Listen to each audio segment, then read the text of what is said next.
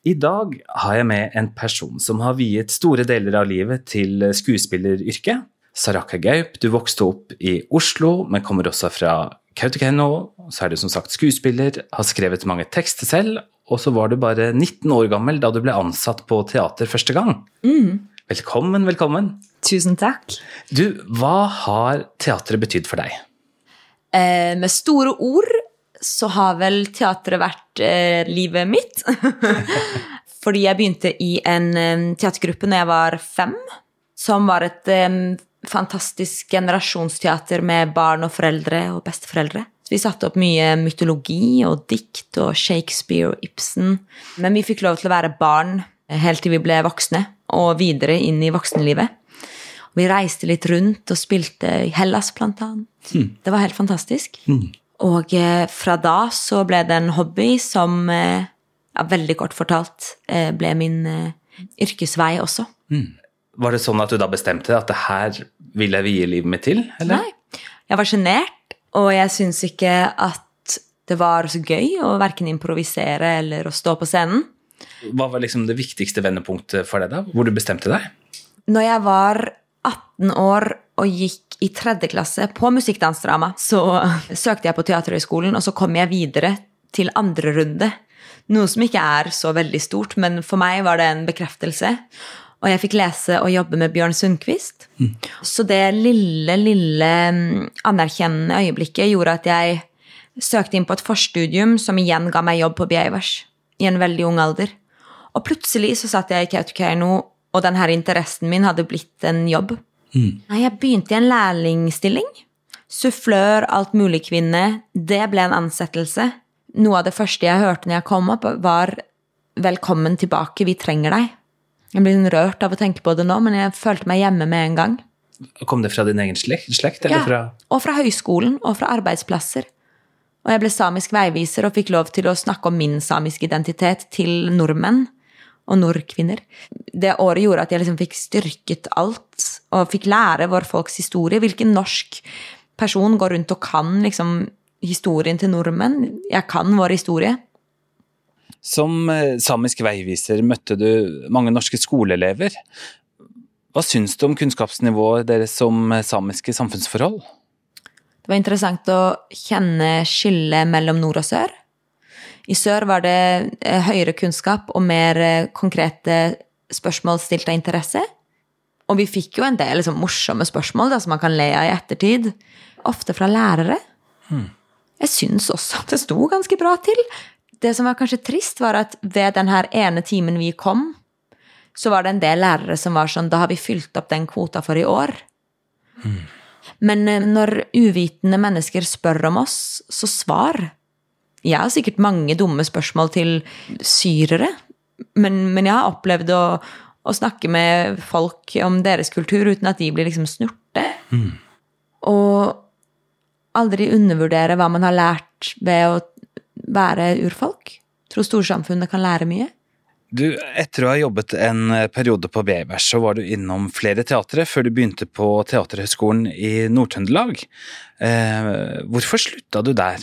De tok inn eh, kanskje 25 til første klasse, og så gikk man et år før man fikk vite om man fikk fullføre bacheloren sin. Så for meg så ble det på en måte som en ettårig fjerde fjerdeprøve, hvor jeg ikke følte meg trygg.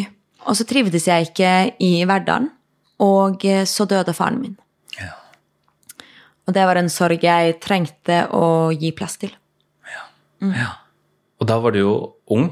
Ja, han ble syk når jeg var 22, og døde når jeg var 23. Ja. Hm. Altså, hvordan eh, måtte du da styre valgene dine og styre livet ditt? Jeg tok meg en pause fra både jobb og studie, og også liksom alle må og burde i livet. Og eh, eh, gikk inn i en veldig dyp sorg i Oslo først.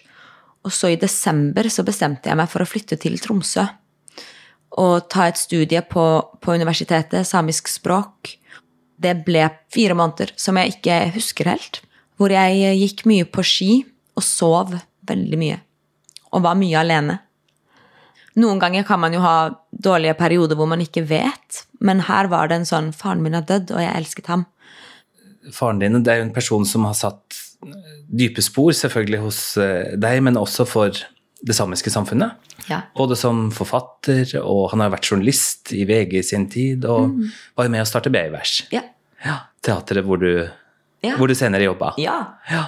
Det tror jeg var grunnen til at jeg eh, såpass lett kom inn i Beivers. Ja, han har skrevet bøker som jeg ganske subjektivt syns er veldig gode. Og så har han også, vil jeg si, vært en av foregangsmenneskene til å ta tilbake gammel samisk mytologi. Og har skrevet fagbøker, eh, vært utrolig mye på Finnmarksvidda, eh, der han faktisk ble født. Eh, ved Rautuaivi, et fjell. Det var så vakkert at når jeg sørget, så var det veldig mange som sørget med meg. Og vi kunne finne et fellesskap i det å miste ham såpass brutalt og fort. Jeg var som pappajente, da. Og eh, moren min mistet også faren sin på nøyaktig samme Hun var også 23.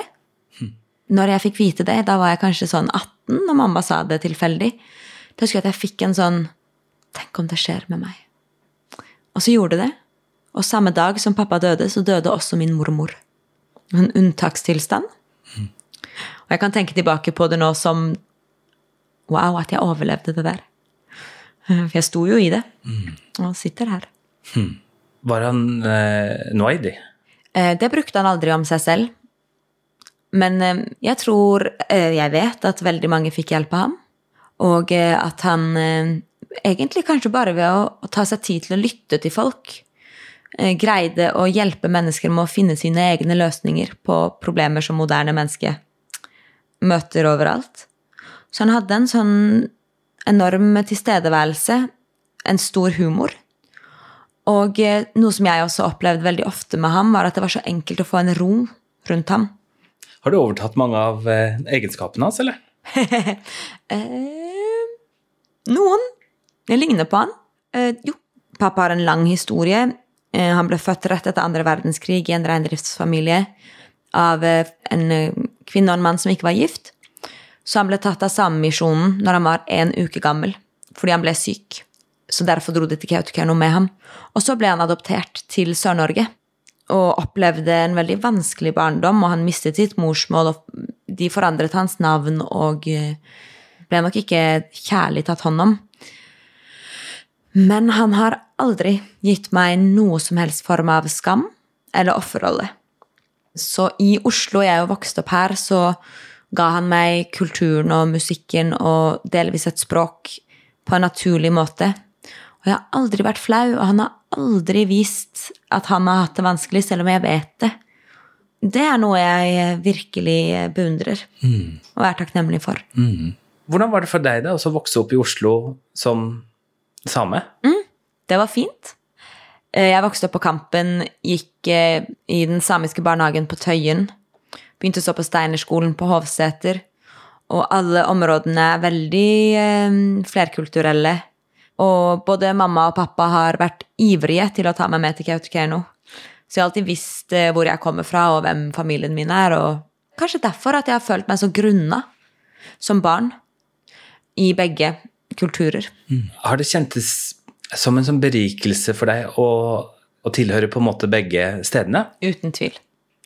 Uten tvil. Flerkulturalitet er en styrke. Punktum. Men jeg hadde en periode når jeg var sånn 16-17-18 De årene var jeg ikke i Kautokeino, på tre år, tror jeg. Hvor jeg ikke følte meg verken som samisk eller norsk. Og så plutselig så bodde jeg i Kautokeino og lærte meg språket relativt enkelt, egentlig. Takket være pappa, kanskje, som bare pøsa på med sin positivitet. Jeg la fort fra meg det her med at jeg skulle lære meg et gullspråk og et identitetsspråk. Jeg tenkte på det som tysk eller spansk. Og det hjalp meg veldig i å ikke få en sånn 'Å, men det er dette språket jeg skulle ha kunnet'. Ja, altså det var litt mer sånn teknisk? Ja, og bestemte meg tidlig for å ikke være flau over å snakke dårlig. Men jeg er eh, så takknemlig for det, og oppmuntrer alle til å lære seg fars- eller morsmål eller slektas språk. Det er gollegiella, gullspråket, fordi selv om Sápmi for meg alltid har vært åpent, så har det her virkelig åpnet opp.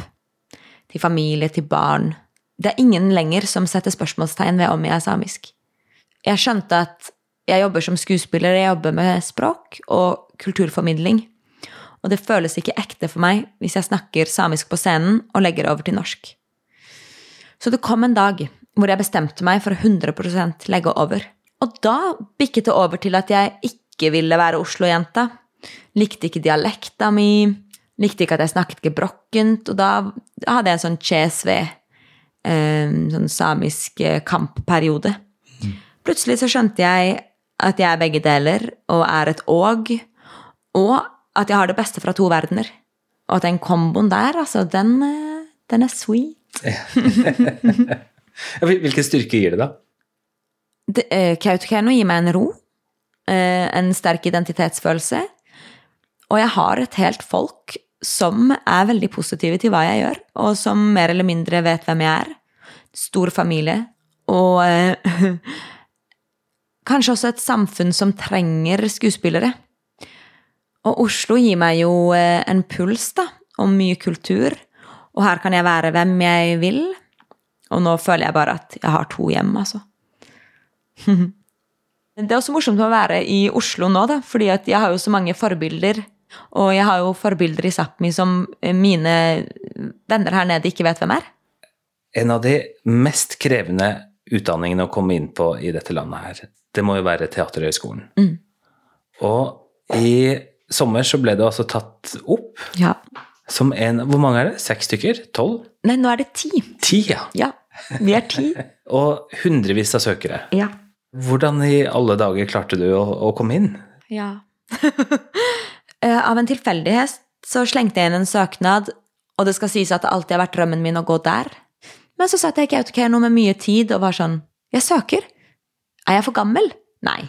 Så jeg søkte, og det var jo en kabal å få det til å gå opp. Første runden var på turné.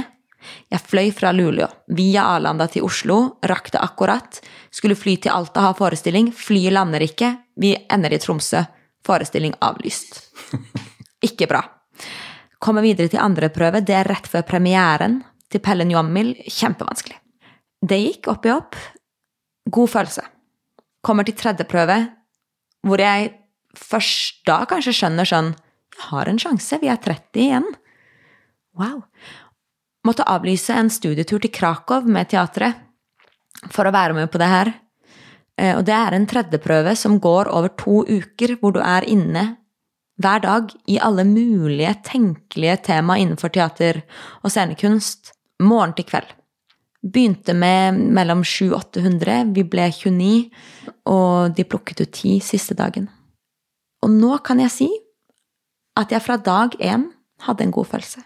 Fra jeg i den her eh, sang- og diktdelen Jeg eh, joiket Oddsan Adjagas og hadde et dikt av Ailuhash, Nils Aslak Valkeapää. Og fra da så følte jeg at de var interessert i meg, og at de ga meg en sånn real sjanse, og at de så meg. Og gjennom eh, dialog og rollearbeid og regi og gruppearbeid, masse gruppearbeid, og et eh, veldig dypdykkende intervju, at jeg hadde en sånn Å, gud, jeg kommer inn. Jeg tror jeg kommer inn. Og så kom jo absolutt siste dagen og siste kvelden før denne listen, veldig omhyggelig, henges opp på Teaterhøgskolen med ti navn. Og jeg har aldri hatt en så grusom natt eller morgen. Våknet opp altfor tidlig. Utrolig nervøs. Svett. Åh, det var så grusomt. Og da tenkte jeg sånn, det her går jeg ikke gjennom igjen. Og jeg vet ikke om man kan sette seg inn i det, men jobbet i to uker for noe som har vært en drøm hele livet, kommet så langt, er så nære, blitt godt kjent med alle 30, og, og, og felles gå til den skolen, vente de minuttene på denne lista. Det var helt sånn filmatisk ubehagelig eh, ja, opplevelse. Kommer det en lærer og klasker opp denne lista på en tavle? Er det sånn det Stemmer. funker? Stemmer. Okay. I tystnad, stillhet. Hva skjer da når de, etter at de har hengt opp den lista? Man går jo sånn i sakte film, da. Enten så er man stille, gråter eller skriker. Det var ingen som var sånn 'yes, hurra', fordi av respekt, liksom. Så man bare ser rundt seg, bare Den ligger på gulvet, den rister der borte i hjørnet. Så går man jo til den lista og bare ser etter sitt eget navn. Og jeg så mitt navn ganske fort. og, og, og, og faller ned på bakken. Og krabber bort til telefonen min og ringer kjæresten min. Eh, og det her var på Oslo Pride-dagen. Var sånn dobbel, ja, Hun er en jente, eh, så det var sånn dobbel glede for oss å liksom greie å skrike inn i den telefonen at jeg kom inn. Min eh, favoritt fra tredjeprøven kom også inn. Hurra. og så var det rart, fordi så kjente jeg ingenting. Jeg var eh, totalt følelsesløs. Ja. Utslitt. Satt på et bord på den skolen og bare Wow. Hæ? ja. Det at du kom inn, hva er det starten på for din karriere og for ditt liv? Jeg har alltid hatt et problem med å kalle meg skuespiller, fordi det er en ubeskyttet tittel. Det er ingen som har spurt, men jeg har forklart. Jeg jobber som skuespiller, men jeg har ingen utdanning. Eh, Så det er en lettelse å kunne si at eh, nå er jeg skuespiller, utdannet fra eh, KIO. Og det her sier jeg med største ydmykhet, men studenter fra denne skolen blir sett. Teatersjefer kommer og ser. Og jeg vet ikke om jeg er enig i det, jeg syns alle skal ha en lik sjanse, men jeg vet at jeg er heldig som eh, lettere kan komme inn på institusjoner i hele Norge. Og det var noe jeg etter hvert begynte å føle på, for jeg fikk et sånt eh, fint stempel som samisk skuespiller, som jeg eh, har jobbet for, men som jeg ville bevege meg unna. Jeg har så lyst til å bare være én skuespiller. Så det betyr at du underslår ikke på noen som helst måte at du er samisk, På ingen måte. samtidig som du ikke ønsker å bli redusert i anførselstegn til en samisk skuespiller. Ja, jeg er stolt. Alltid. Og eh, skjuler det aldri. Men akkurat i yrkessammenheng så trenger jeg ikke å, å ha det stempelet. Og en periode så var det helt fantastisk å få disse åpne dørene til teatret. Men eh, jeg ville videre. Og så vil jeg bare legge til at jeg fortsatt er så ydmyk over at det var jeg som kom inn. Fordi jeg vet at det er tilfeldigheter, altså fra første prøve til de de velger ut. Og jeg er ikke flinkere enn andre, for det her er den klisjeen med at det er 99% arbeid og 1% talent. Det er min sannhet, altså. Jeg har jobba utrolig hardt for det her. Mm. Hvilke reaksjoner har du fått fra samiske miljøet, da? Ja, Rolf Degelund, teatersjef på Bjeivars, ringte meg samme dag og sa eh, jeg skåler for deg, er lykkelig, og du har jobb når du er ferdig. Og så syns jeg det er på sin plass sånn rent politisk at samiske skuespillere også blir utdannet. At man ikke kan lene seg på språk eller kultur. At det liksom løfter nivået. Jeg har kjempelyst til å jobbe på Bjeivars igjen. Og eh, sørsamisk teater, det svensk-samiske teatret.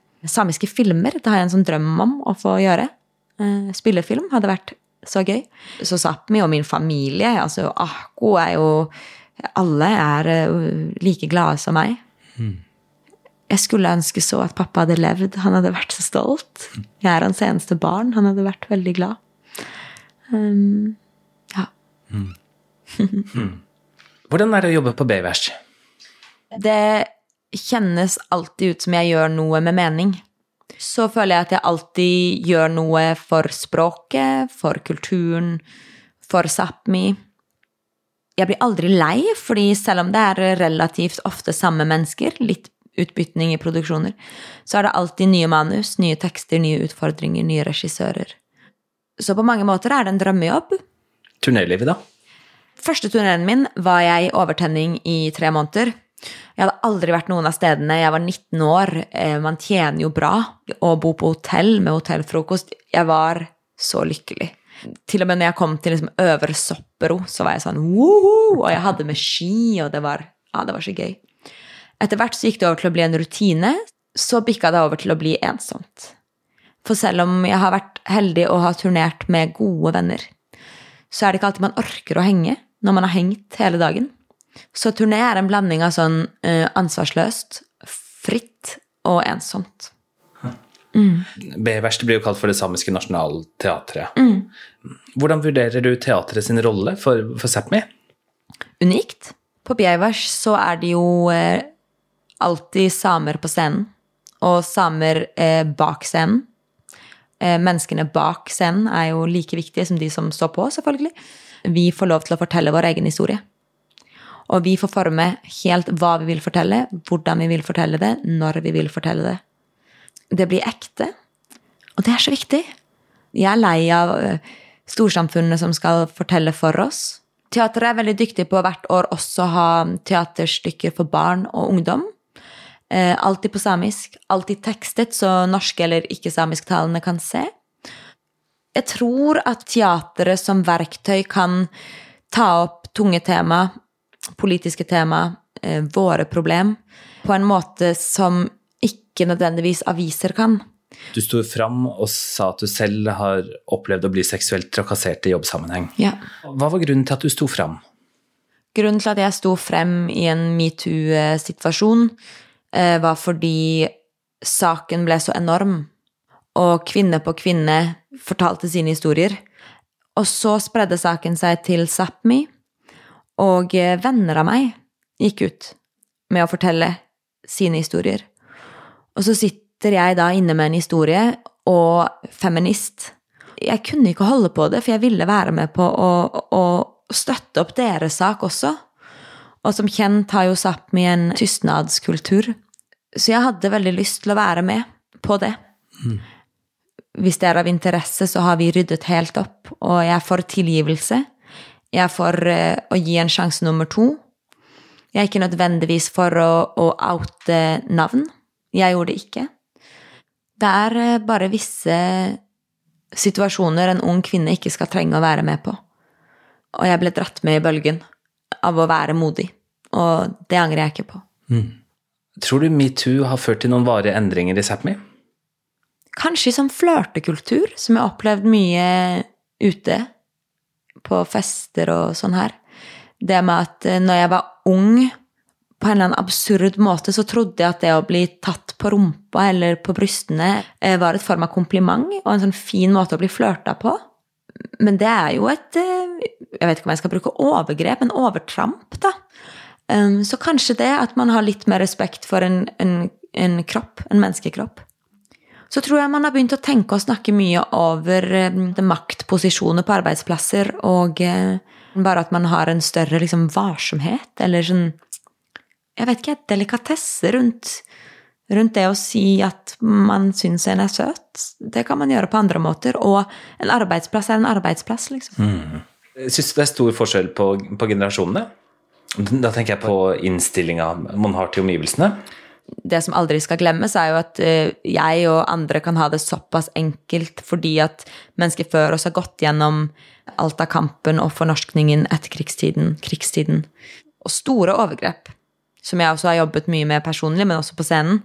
eh, At, at vi i dag kan eh, lære språk og gå i kofte og være forelsket i hvem man vil, holdt jeg på å si. Men, så det er jo en takk til generasjoner før. Jeg har jo kjæreste som er eh, jente, og eh, jeg har aldri trengt å egentlig komme ut. Verken til samisk familie eller til, til på en måte samfunnet. Og det var interessant, fordi da lærte jo jeg at disse fordommene som jeg trodde at mennesker i Sápmi hadde, det var fordommer jeg hadde til dem. Hva har jeg trodd? De er jo ikke interessert i hvorvidt de er interessert i menn eller kvinner, på en måte. Og jeg tror også det at liksom Sápmi utvider seg. Vi lever jo ikke bak et fjell, bare. Det er jo Alle fins jo der også. Jeg snakker jo ikke ned at det ikke fins hverdagsrasisme mot samer, eller at det ikke fins eh, mennesker som ikke er like åpne for, for skeive mennesker. At folk sitter med språktraumer og skam. Uten tvil. Jeg har bare ikke gjort det. Og jeg har heller ikke gått aktivt og lett etter mennesker som er ute etter å ta meg, da. Så det er kanskje min innstilling til livet. Men eh, jeg tror at en yngre generasjon har en sånn driv. Og eh, også en sånn, kanskje en mer sånn global måte å tenke på, fordi det finnes internett, og man reiser så mye. Og lærer mer, på en måte, kanskje. Så at det er sånn, et nytt mot, liksom. Et nytt håp. Det lover jo godt, ja. Veldig. Jeg gjør også mye for å holde mitt eget håp eh, høyt, da. Og det er ikke det samme som å være banal eller enkel i tankegang. Det er mer en sånn fin overlevelsesstrategi. Tusen takk, Saraka, for at du var med tett på. Takk, Ologito. Jeg heter Svein Lian. Tett på fra NRK Sápmi er produsert av 1 til 1 Media.